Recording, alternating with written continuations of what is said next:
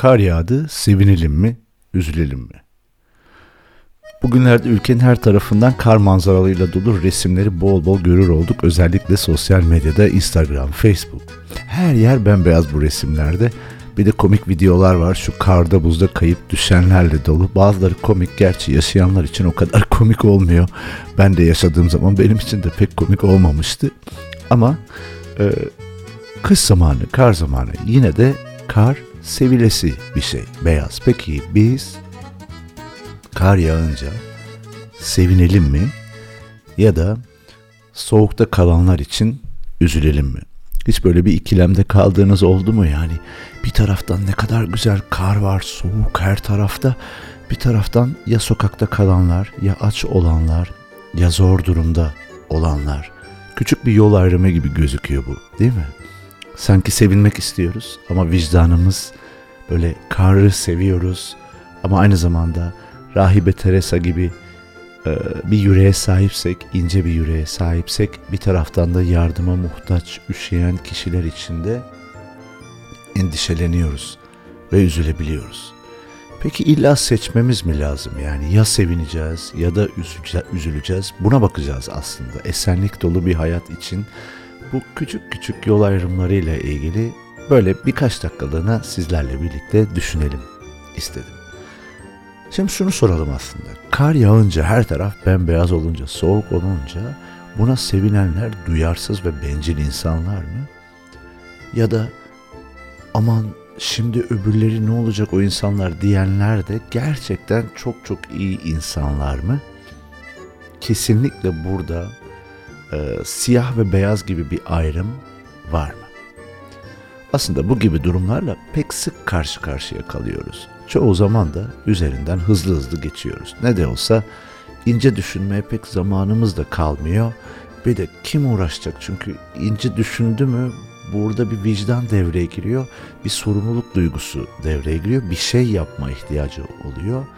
Ve aslında hayatlarımız bir şekilde bunları yapmayacak kadar yoğun hale geldi galiba.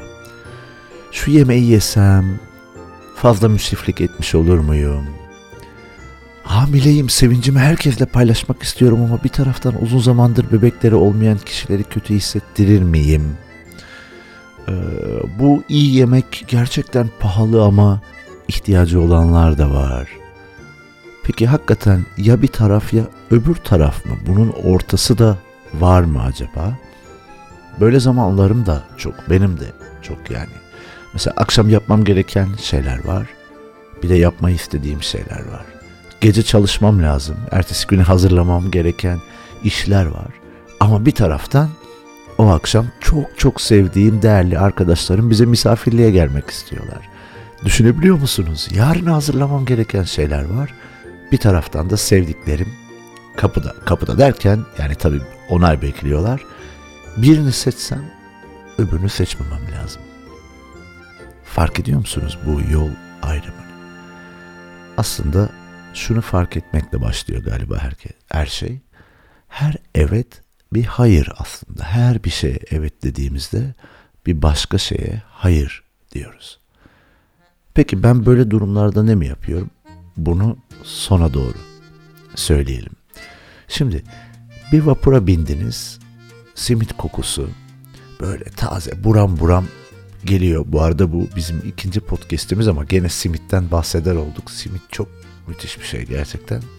Bir tane de simit aldınız. Vapurun arkasında duruyorsunuz. Benim yaşadığım şehirde vapur var. Mesela martılar da var etrafta geziyor. Şimdi çıt, simit çıtır çıtır. Atsan sana kalmaz. Martılar yiyecek. Atmasan yahu Martu da aç, o da simit istiyor. Hangisini seçeceğim? Öf, bu hayatta ne kadar zor ya. İlla birini seçeceğim. Biliyor musunuz? Bir insan günde yatı, yaklaşık 35 bin karar veriyormuş. Hepsi bu kadar zor olmasa da yine de karar vermek biraz stresli bir şey. Ama hakikaten bunların ortasında her zaman e, huzurlu yaşamak çok imkansız mı? Belki de değil bazen. Bazen şu uygulanabilir. Yahu bir lokma sen ye, bir lokma martıya at. Uyumlu ol biraz. İlla seçmek zorunda değilsin. İlla bütün simidi martıya vermek zorunda değilsin. Biraz ona ver. Biraz kendin ye. Bir lokma ona. Bir lokma sana. Ha sen tam doymadın mı? E git bir tane daha al. Tabii şimdi bu konunun tamamen simitle ilgili olmadığını siz anlayabiliyorsunuz. Yani bulamadın mı bir simit daha? İn bir kokoreç ye yani ya da acıkan birine de ver. Bir parça kokoreç ona ver. Bir de sen al aslında. Formül o kadar zor değil galiba. Bir parça sana, bir parça martıya. İnsan verdikçe sevinir, değer bulur, kendi değerini hisseder, kendini faydalı hisseder. Zenginlik, hatta huzur, neye sahip olduğunla ilgili olduğundan daha çok ne verebildiğinle, neleri paylaşabildiğinle ilgili olabilir mi acaba? Kar konusuna gelelim. Kar yağdı, seviyorsun, tamam, eğlen. Ama elbisesi olmayan birini görünce ona da bir elbise ver. Çok zor mu? Hakikaten yok mu dolabında fazladan bir kazak? Kar yağınca eğlen. Ama ihtiyacı olan birini görünce, hatta görmeyince de bul. Ona da bir yemek ver. Sen eğlen, o da ısınsın. Sen sevin, o da sevinsin. Sen de kar topu at. O da ısınsın. Biraz uyumlu olmak zor olur galiba. Çok böyle kemikleştiyse, çok ben, benim doğrularım falan diyen biriysen. Oysa uyumluluk o da güzel. Biraz oradan, biraz buradan. Bir lokma martıya, bir lokma sana. Kibir uyumlu olabilmem için olmaya önemli bir engel. İnat da öyle. Çoğunuz öyle değilsiniz biliyorum ama en tehlikeli kelime ben. Benim bildiğim, benim yaptığım, benim hissettiklerim vesaire. Yahu bu mutsuzluk da çok yormuyor mu adamı? Formül biraz daha basit galiba. Bir martıya, bir sana. Bana gelince o misafirlik zamanlarında ne yapıyorum? Sevdiklerimi de alıyorum yanıma. Çağırıyorum. Oturuyorum. Sohbet ediyoruz. Çalışıyoruz. Onlar gidince ben de sabaha kadar oturup işimi de yapıyorum. Böylece onu da yapmış oluyorum. Onu da yapmış oluyorum. Ha biraz daha az dinleniyorum belki. Uykusuz kalıyorum. E o kadar da olsun canım. Huzurun, mutluluğun bir bedeli var yahu ki bu çok da pahalı bir bedel değil öyle. O da tam olsun, o da tam olsun. Ne serden ne yardan öyle yok. Ama ben ertesi günün sonunda biraz yorgun olsam da mutlu oluyorum. İşim de bitmiş oluyor. Sevdiklerimi de görmüş oluyorum. Bazen bencillikten vazgeçersin. Bazen parana kıyarsın. Bazen uykuna kıyarsın. Bazen evin senin istediğinden daha dağınık olur. Ertesi gün bayağı temizlik gerektirebilir. Mesela dinlenmen gerekebilir bayağı. Ama huzur güzel şey ve selam. Unutma. Bir martıya bir sana. Sonuçta sana yarım kalıyor, yarısı da öbürüne gidiyor. Gerekirse bir tane daha alırsın. Ne olacak? Son olarak önceki programda söylemiştim.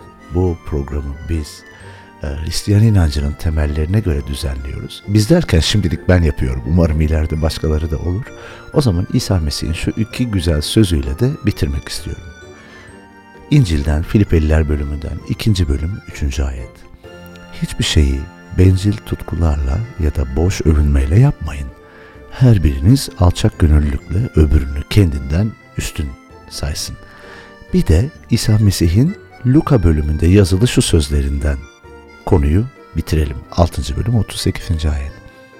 Verin, size verilecektir. İyice bastırılmış, silkelenmiş ve taşmış, dolu bir ölçekle kucağınıza boşaltılacak. Hangi ölçekle verirseniz aynı ölçekle alırsınız. Esenlik sizinle olsun, huzur sizinle olsun. Bir sonraki programda görüşmek dileğiyle. Hoşçakalın.